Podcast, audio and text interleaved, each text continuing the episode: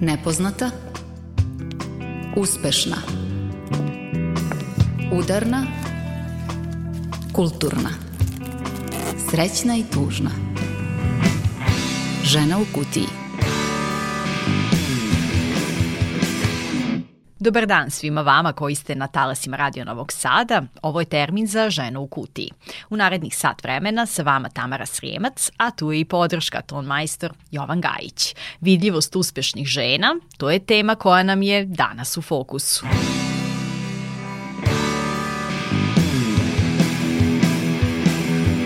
Milioni ljudi dnevno se oslanjaju na podatke koje pronalaze na Wikipediji. Od svih Wikipedija biografija ženama pripada tek 17%, a žene čine manje od 9% uredništva na toj platformi. Mnoge žene kriju da su žene na Wikipediji kako se ne bi suočavale sa tim uh, užasnim nasiljem u digitalnom obliku U rubrici Nepoznata predstavljamo tim koji ispravlja tu nepravdu. 20 istraživačica i istraživača uredili su i napisali blizu 100 članaka na srpskom i 40 na engleskom jeziku o ženama i pojmovima iz mirovnog i antiratnog pokreta od 90-ih do danas. Nije bilo teksta o Trešnjevcu, nije bilo teksta o protestu protiv mobilizacije u Kruševcu. Znate, sve te akcije su pokrenule obične žene i majke. Nagrada Feminističkog kulturnog centra BFM Bring the Noise u kategoriji Vidljivost feminističke umetnosti dobila je Sanja Kojić-Mladenov iz Muzeja savremene umetnosti Vojvodine. O feminizmu umetnosti govori za rubriku Uspešna. Ta neka vrsta radikalnog jezika kada je u pitanju društvena stvarnost i delovanje u okviru e, nekih aktuelnih tema i dalje jeste osetljiva i dalje to jeste pitanje ko sme da krene takvim putom, a ko ne.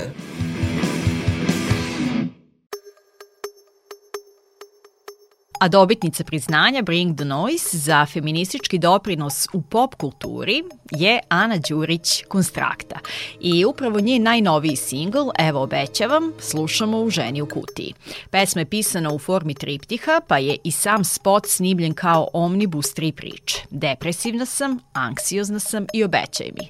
I ovoga puta Konstrakta i Zemlja gruva pokrenuli su važne teme. Pesma govori o nekim od najprisutnijih psihičkih stanja današnjice, a to su anksioznost i depresija. Slušamo, evo obećavam. Išla sam u šetnji, psa sam vodila Na polju neka visoka vibra kao nova godina Ja depresivna sam i zato sam u pod gledala Pa šta sam videla kad sam gledala Beton Trava Zebra sudar, a ja depresivna sam. Depresivna sam. Pasivna sam, zavisna sam, nemoćna sam.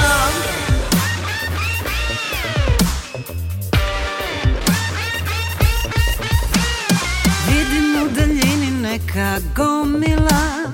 Dvesta ljudi stoji Raširenih nozdrva Moje srce lupa kako ne treba. Gledam u njega, on miriše na. Pa, pa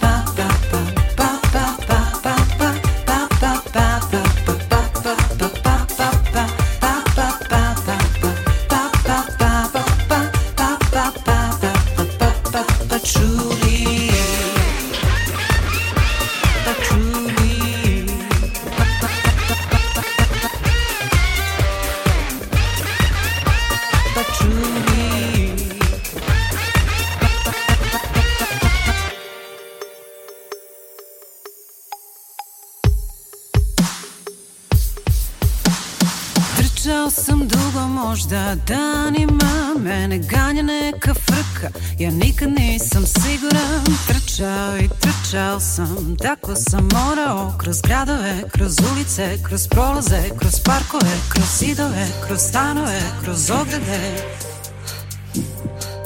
Ja anksiozan sam Na oprezu sam Anksiozan sam Nejasno je, nejasno sem, nemočan sam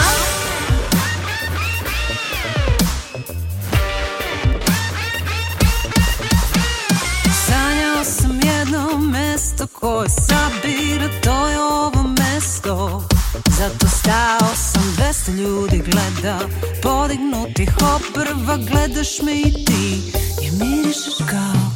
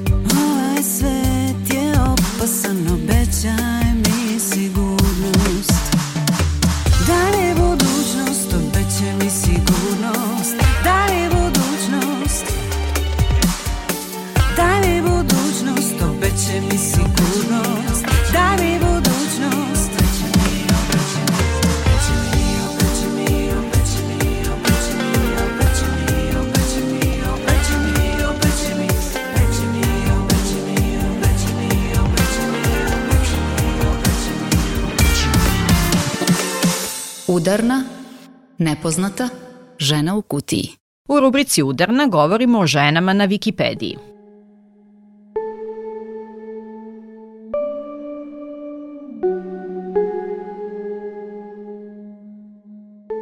Napravljena 2001. po principu slobodne enciklopedije u kojoj svaki pojedinac ili pojedinka mogu da doprinesu i kreiraju sadržaj, Wikipedia jeste jedan od značajnijih izvora informacija. Samim tim na njoj bi trebalo da bude izbalansiran sadržaj koji poštuje raznolikost i ravnopravan odnos urednika i urednice. Realnost je ipak drugačija.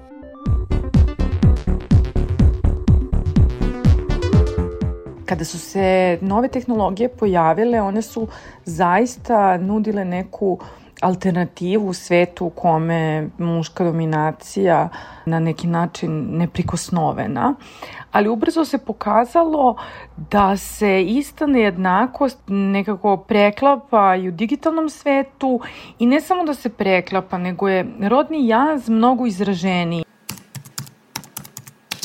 Marija Ratković iz Centra za biopolitičku edukaciju Biopolis jedna je od žena koja se trudi da napravi rodni balans na Wikipediji.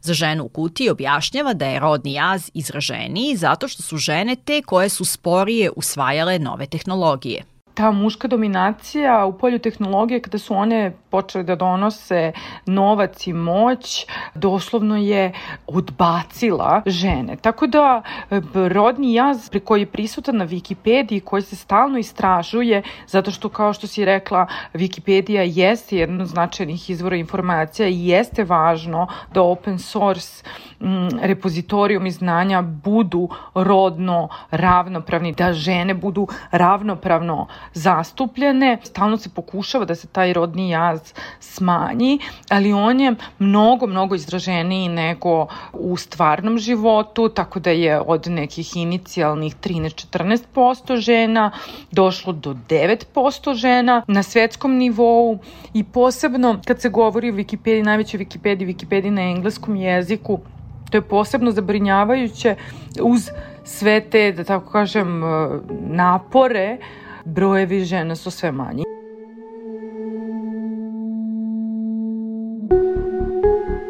Zašto nema dovoljno urednica na Wikipediji? Zašto nema dovoljno čitateljki i sadržaja koji se odnose na žene? Ja bih rekla da postoje definitivno razlozi e, zbog kojeg su žene manje kreatorke sadržaja Wikipediji. Pre svega to je toksični maskulinitet, te geek kultura iz koje Wikipedija nastala. Tako da i kada imamo forumsko odlučivanje, na tom forumu prevlađuje neka vrsta vređanja. Mnoge žene kriju, dakle, da su žene na Wikipediji kako se ne bi suočavale sa tim uh, užasnim nasiljem u digitalnom obliku, koje je jedan od najvećih razloga zašto one tamo nisu. Svakako među razlozima jesu i brisanje sadržaja o ženama, iako veliki procenat biografija koje su nominovane za brisanje, e, preko 40% su upravo biografije žena, zato što prosto zajednica sastavljena od gotovo isključivo muškaraca, dakle govorimo o 90% muškaraca, jednostavno ne smatra da su biografije žena niti žene dovoljno relevantne da se pojave u tom najvećem, najvećem skupu znanja koji za sada imamo. Ne bih rekla da je samo to rodna predrasuda, rekla bih da je to čak jedno postojano uverenje da značajne žene nisu zaista značajne. I to je isto ono kao kad se u Srbiji na različitim skupovima priča o tome pa kao gde znate žene slikarke, žene spisateljice, da nema prosto značajnih žena to prosto nije tačno. Tačno je samo da su žene jednostavno sistematski brisane, njihovi doprinosi su sistematski brisani i to je ne samo ponovljeno na Wikipediji, već mogla bih da kažem da je Wikipedija nastala na zanemarivanju ženskog doprinosa i u tom smislu to je neka najčešća predrasuda da žene zapravo nisu dovoljno važne i da ne prelaze taj prag relevantnosti da bi se uopšte našle na Wikipediji, što je naravno netačno. U saradnji sa organizacijom Forum CFD, zatim European Fund for the Balkans i Wikimedia Srbija u oktobru 2022. godine pokrenute su besplatne radionice digitalne pismenosti na kojima se učilo kako se formira sadržaj na Wikipediji. Nastala je platforma Digitalna većina koja tako pokušava da i u digitalnom svetu da mesto ženama koje zaslužuju. I upravo prvi sadržaj koji su izašli u javnost bili su posvećeni ženama u antiratnom pokretu tokom ratova 90-ih, čija su imena prećutkivana ili nepoznata javnosti. To kaže koordinatorka projekta Digitalna većina Marija Ratković. Mi dakle pišemo, istražujemo pre svega, digitalizujemo znanje o mirovnom pokretu i antiratnim pokretima. Dakle, mi smo uh, postupili u saradnju i sa forumom CFD i sa muzeom 90-ih i sa različitim projektima koji se na posredan ili neposredan način takođe bave arhivima sa svim organizacijama koje su bile aktivne tokom 90-ih, aktivne su i sada, koji imaju ogromne arhive u jednom zaista moram da kažem pionirskom projektu istraživanja i digitalizovanja da bismo onda mogli da ostvarimo ono što su naši prvobitni ciljevi bili, a to je da se znanje koje smo stekli svi mi pona osob i znanje koje negde postoji zgurnuto u te arhive samih učesnica i učesnika, da se e, pojavi na Wikipediji kao digitalnoj otvorenoj enciklopediji, Dakle, i da je dostupno svima, da su uh, znanja o tome jednostavno podložna raspravi na način na koji su sva znanja na Wikipediji već prisutna i da se nekako polako pravi taj balans uh, da žena bude više i kao istraživačica i kao editor, kao urednica i a, sadržaja koji negde slave žensku istoriju i pokazuju nam šta su to sve žene uradile i koje su to sve imena koja koju ne smemo da zaboravimo, ne smemo nekako da zanemarimo njihov doprinos. Do sada je napisano preko 100 tekstova, preko 40 tekstova na engleskom. U startu smo imali e, nas nekoliko senior e, urednica i 20 e, mlađih istraživačica i istraživača. Dakle, taj broj se stalno menja, fluktuira. Mi pokušavamo i stupamo zapravo u kontakt sa mnogim urednicama Wikipedije koje inicijalno nisu počele sa nama, već se time bave već neko duže vreme. Pregovaramo o njihovom uključivanju, zajedničkom radu, zajedničkom učenju, jer pre svega ovo je projekat ko, kome svi jako puno učimo, jedni od drugih učimo dok radimo. To je negde, rekla bih, jako zanimljivo i važno.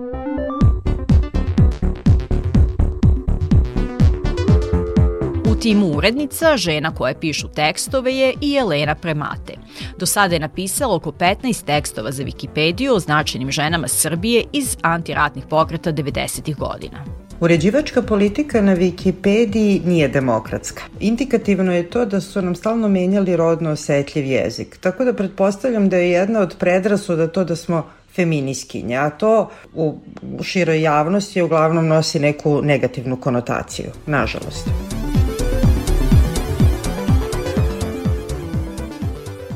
Sledeći veliki problem uh, koji je bio, to je da su nam osporavali reference, da se mi oslanjamo na reference ženskih pokreta i to je kao predstavljalo veliki problem i stalno objašnjavamo da nažalost o tim nekim ženama ne postoje druge reference. One su bile nevidljive u, u nekim naučnim krugovima. Znate, vi imate najpoznatije imena koje se pojavljuju, ali tu imamo more nekih žena koje su bile obične građanke i koje se čije se imena nigde ne pojavljuju i prosto smo morale da se oslanjamo na publikacije ženskih pokreta, ali su jedino tu bile pomenute. Wikipedia je svet bez žena. Brojne su one koje su nepravedno ostale nevidljive na toj digitalnoj platformi, kažu Marija Ratković i Elena Premate.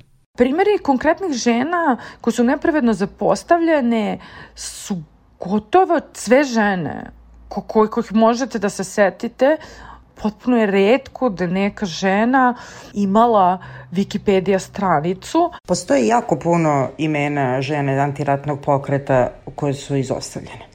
Već sam rekla da su one e, najzvučnija i najveća imena postoje na Wikipediji. Ali, na primer, nema teksta o jednoj Olivi Rusovac. Nema teksta o jednoj Sonji Prodanović. E, nema teksta o jednoj Fiki Filipović. Takođe, mnogi od žena ko kojima smo pisali imali su svoje stranice na stranim Wikipedijama, čak i na stranicama srpsko-hrvatske, odnosno crnogorske Wikipedije, ali na srpskom jeziku nisu imale. Doslovno bilo koja žena, sad ne, ne znam kako bih izdvojila neku, Vera Webel Tatić, tu je Lepa Mlađenović, tu je Sonja Drljević, tu je Staša Zajević, e, Sonja Biserko, dakle tu su žene iz cele Srbije takođe, e, žene koje, Klara Balint, e, koje su vodile antiratne akcije, Julija Teleki. Takođe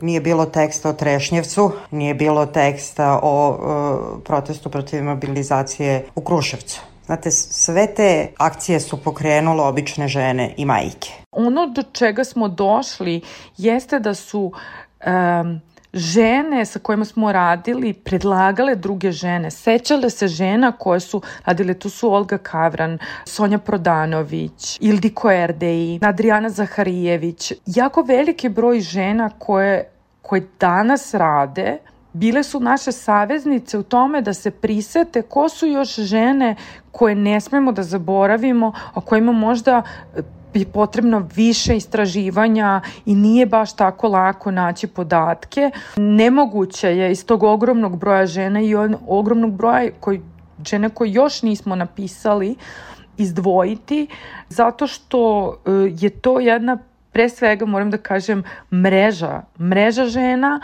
I to je najlepše. Dakle, saznajemo o ženama u Kruševcu, Loznici, Zaječaru, Nišu, profesorkama na fakultetu, radnicama, njihovim drugaricama, lezbejskim aktivistkinjama, pesnikinjama, um, filmskim autorkama. To je nekako prelepa i rafinirana mreža žena koja nam tek u toj celini nekako pokazuje koliko su važna ženska prijateljstva koja zajedno tek eto e, mogu da se suprotstave zaboravu.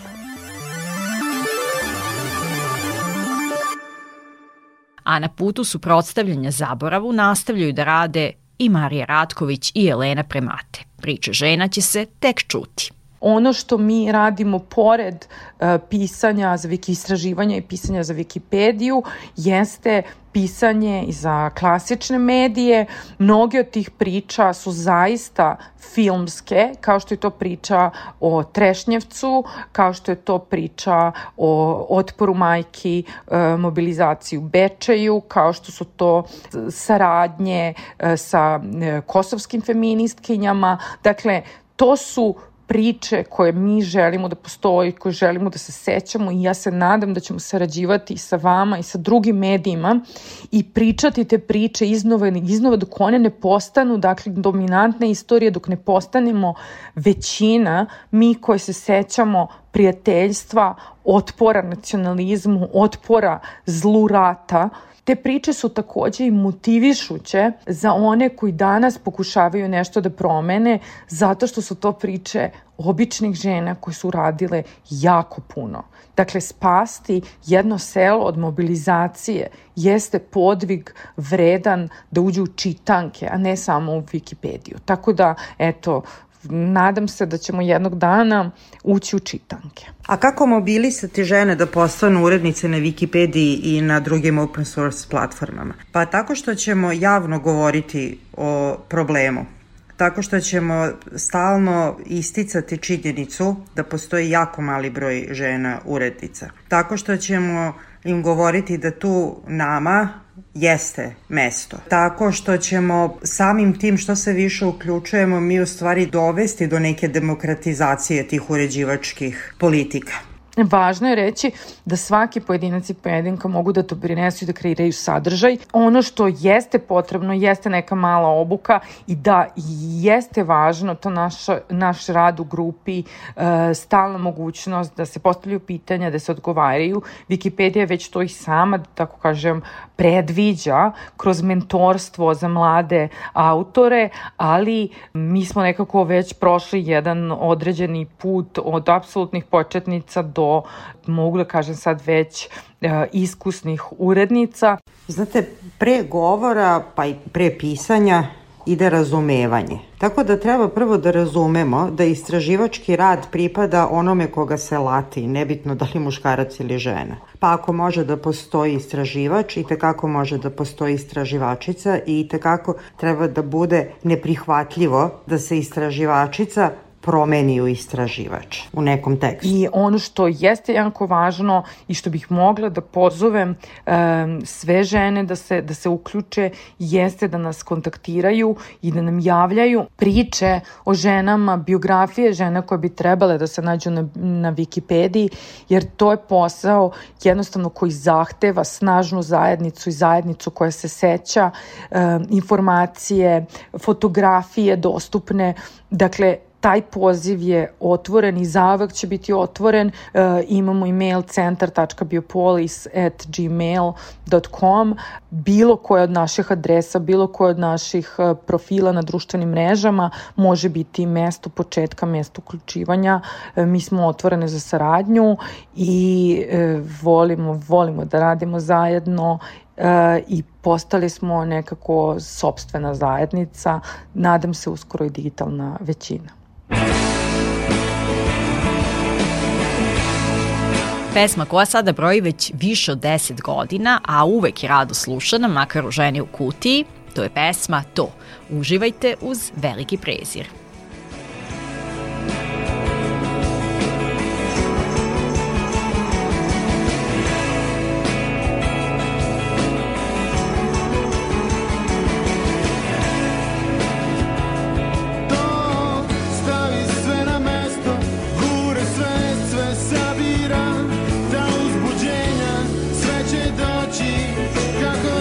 is true.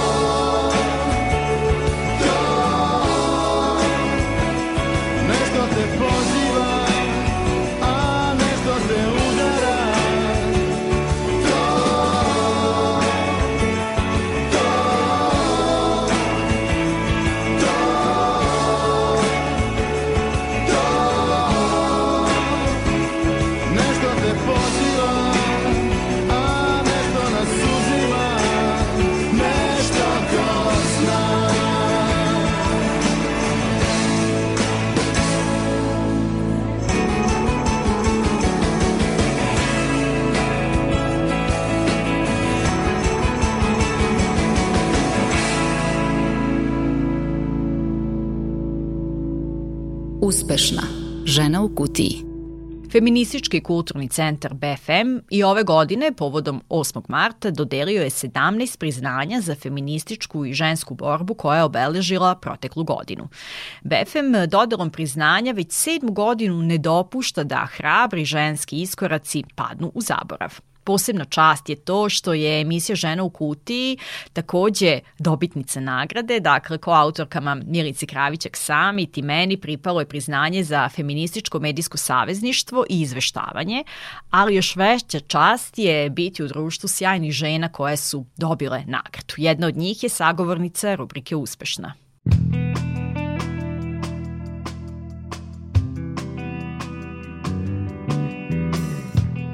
Kustoskinja i istoričarka umetnosti Sanja Kojić-Mladenov priznanje Bring the Noise dobila je za vidljivost feminističke umetnosti.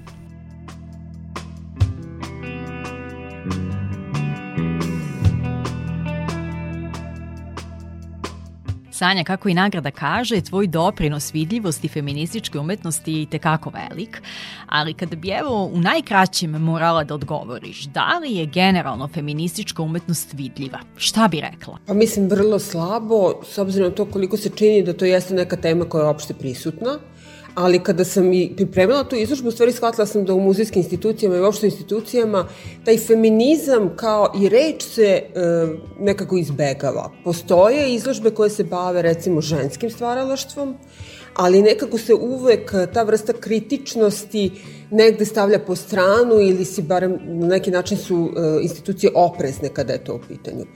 To kada govorimo o institucijama. E, inače, u privatnoj, mislim, u praksi privatnih galerija, pogotovo bih pre rekla možda nezavisnog sektora, ima, ima ovaj, feministički programa, ne samo posveđenih vizualne umetnosti, nego uopšte šire kulturi i mislim da to jeste veoma važno i to je nešto što, kako da kažem, ima neki širi značaj u odnosu samo na ne, neki, neki uski stručni krug. Da li misliš da institucije izbegavaju tu terminologiju zbog predrasuda koje postoje o feminizmu? Mislim da da. Mislim da da, da feminizam nekako ima tu neku vrstu kritične note koja isto tako u društvu je na neki način e, se isto tako kritikuje e, mnogo lakše nego kada se kaže, na primjer, da je u pitanju izložba koja se bavi stvaralaštvom žena. Izložba koja je obeležila prethodnu godinu, zbog čega je između ostalog i stiglo priznanje BFM-a je izložba Muzeja savremene umetnosti Vojvodine, feministička avangarda na putu slobode umetnice i u maju i junu smo zaista u Novom Sadu imali priliku da pogledamo sjajnu izložbu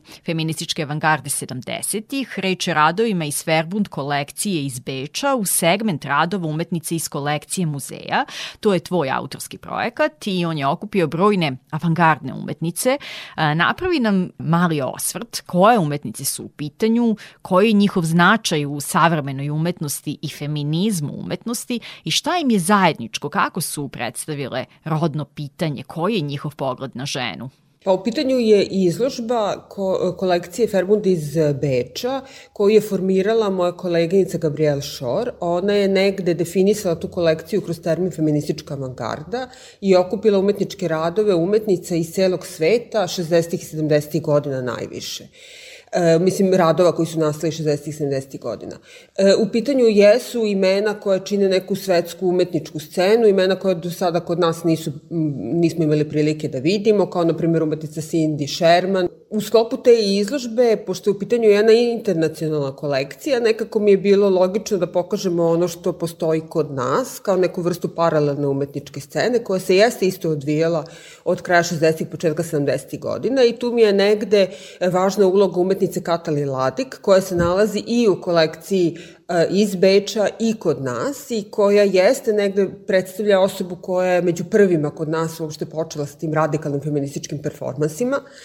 E, tako da, e, na neki način, okupila sam umetnice i 70. godina, pored nje još i Bogdanku Poznanović, Juditu Šalgo, a zatim e, dalje sam negde proširila taj vremenski period, jer kod nas svakako je važan period 90. i učešće žena u okviru, da kažemo, antiratnog pokreta 90. godina, tako da tu imamo umetnice kao što su Milica Tomić, e, zatim Tanja Ostojić, Vesna Tokin, Milica Mrđa, mislim, na neki način umetnice e, koje su delovale protiv dominantnog sistema, kako patriarchalnog, tako uopšte da kažemo um, nekog retrogradnog. Da, spomenula si 70. godine, tada se dogodila promena u načinu na koji se žene predstavljaju u umetnosti i tada su umetnice počele da istražuju vizualne prikaze sobstvenih bića kako bi stvorile te alternativne poglede na ženski identitet.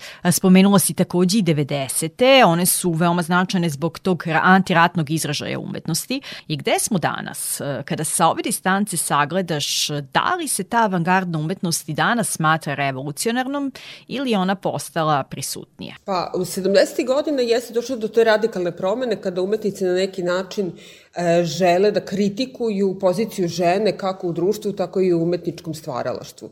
I one na taj način u stvari negde govore i o temama koje do tada nisu bile prisutne u umetnosti i otvaraju neko novo polje koje nije bilo toliko vidljivo uopšte u društvenoj stvarnosti. I menjaju taj naravno odnos pozicije subjekta i objekta, žene koja je u umetnosti obično bila taj nemi objekt koji se negde pojavljuje u umetničkim delima uglavnom muškaraca i sada one na neki način postaju akterke, znači one, one ovaj, istražuju sobstveno telo, sobstvenu seksualnost, relacije među ženama i slično.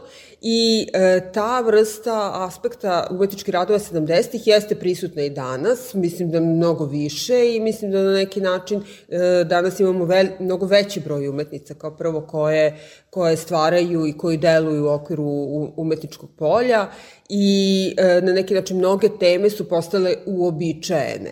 Ali, s druge strane, ta neka vrsta radikalnog jezika, kada je u pitanju društvena stvarnost i delovanje u okviru nekog, e, kako da kažem, e, nekih aktuelnih tema i dalje jeste osetljiva i dalje to jeste pitanje ko sme da krene takvim putem, a ko ne. Spomenimo današnje savremene umetnice na tom talasu ili žene koje ceniš, neke žene mlađe generacije. Pa, na primjer, umetnica našeg regiona, čiji rad veoma cenim, jeste Selma Selman, koja govori o pitanjima uopšte pozicije e, njen etničke pripadnosti kao romske umetnice, ali isto tako pozicije žene u savremenom društvu i uopšte e, pozicije žene na Balkanu, koja jeste negde drugačija možda nego na nekim drugim mestima.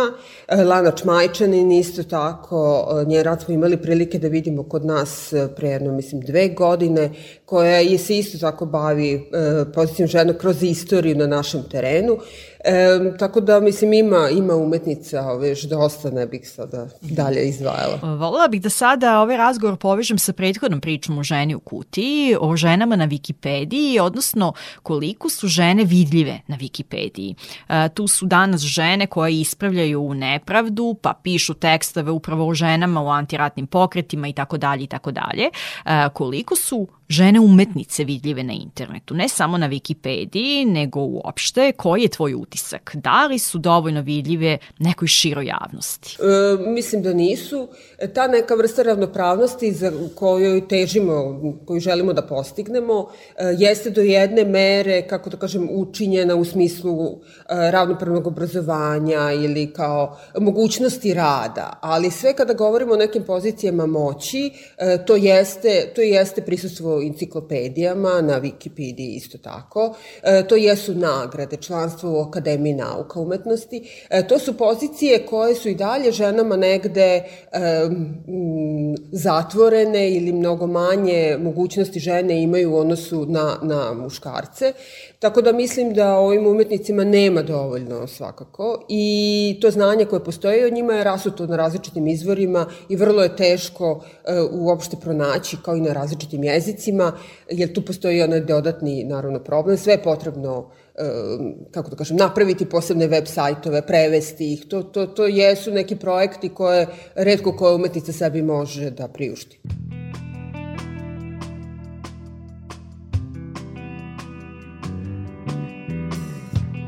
Da se vratimo tvom radu, zanimljiv mi je tvoj citat iz jednog intervjua u kojem kažeš da materijalne dokaze ne smatraš presudnim u ispitivanjima prošlosti, jer se marginalizovane, a važne pojave uglavnom ne nalaze u nekim reprezentativnim katalozima i medijima i ti zato primat daješ intervjuima i živoj reči samih stvaralaca kad god je to moguće. Zašto je to važno? Možda čak i presudno da bi se ispravio taj jas prema margini. Da, pa kao neko ko radi u instituciji prvo naravno E, znate situaciju kakva je tu i jasno vam je da mnogi istraživači, većina, uzimaju samo relevantne kataloge istorijske iz relevantnih institucija, relevantnih izvora koje oni smatraju relevantnim. Znači, mislim, to je e, u tim publikacijama žena ima vrlo malo kada gledamo kroz istoriju. Ja znam kad se radila istraživanje Bogdanke Poznanović, onda sam shvatila u stvari da ne postoji ni jedan tekst koji se bavi samo njenim radom koji je recimo objavljen e, kod nas e, i u tom smislu shvatite da na neki način ta margina nije vidljiva. Onda morate da idete dalje, za istraživače i istraživačice to je naravno svakako mnogo veći posao, ali prvo, mnoge stvari se nalaze obiljene od strane nevladinog sektora, to ne moraju biti reprezentativna tvrdo koričena izdanja, onda ovaj, e, zatim mnogo, mnogo toga po nekim malim katalozima nevidljivo ili nije uopšte objavljeno. Tekstovi mnogih žena ili umetnicama nisu nikad ni objavljeni, treba ih ne pronaći, ali ta živa reč jeste jako važna. To je metod u stvari koji kod nas Ovde u Novom Sadu dosta razvila Svenka Savić, na primjer, to je taj oral history koji smatram isto tako, ona se uključila u to, to naravno postoji svuda u svetu, da je da neki način ta živa reč, reč žene isto toliko važna kao i neki naučni e, tekst. Mislim, jako je važno e, čuti direktne priče, jer iz toga možemo mnogo više da saznamo i da vidimo u stvari mnoge žene onda spominju u stvari to na koji način su bile skrajnute, zašto ih nema u nekoj publikaciji, zašto neka izložba prošla mimo njih i tako dalje, tako da otkrijete neke stvari koje niste do tada znali, a i uopšte u umetničkom radu mnogo više.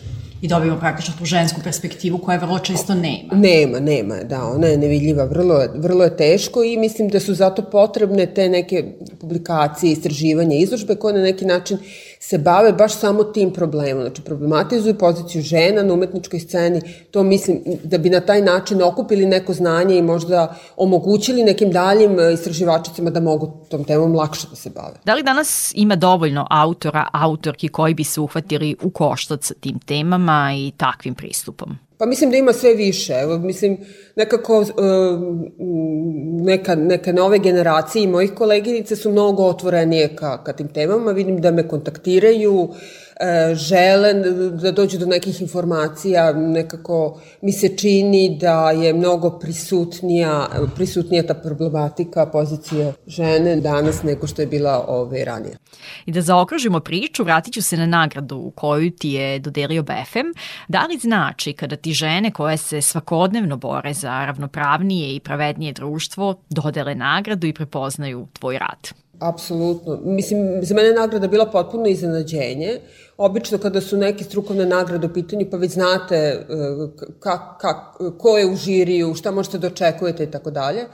Ovde na neki način pogotovo mi je bilo nekako iznenađujuće da je izložba u stvari prevazišla taj neki uski krug stručne javnosti i da je e, ukazao na to da to jeste tema koja je važna uopšte za društvo i iz tog razloga, mislim, velika zahvalnost naravno BFM-u što se uopšte bavi e, tim da na neki način ukazuje na značaj, na time čini vidljivijim i razne, razne ovaj, žene koje i uopšte e, organizacije, e, događaje i vašu emisiju. I mislim toliko nas su okupile tamo na tom događaju da je stvarno bilo fascinantno i za mene vrlo emotivno na kraju krajeva biti uopšte u prilici da se nađeš u tako jednom fantastičnom društvu. I nastavljaš i dalje na tom kursu, možemo li da očekujemo nove radove o feminizmu u umetnosti? Da, naravno, naravno. Ove godine planiram u stvari da nekako objedinim neke tekstove koji se bave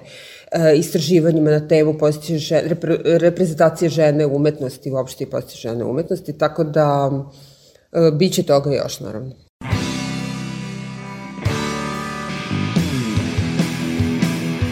Čekamo sa nestrpljenjem nove izložbe u Muzeju savremene umetnosti Vojvodine. Sanja Kojić-Mladenov govorila za ženu u kutiji. Završamo današnje feminističko druženje. U kutiji smo ponovo za dve sedmice. Pozdrave vam šalje ton majstor Jovan Gajić i ja, Tamara Srijemac.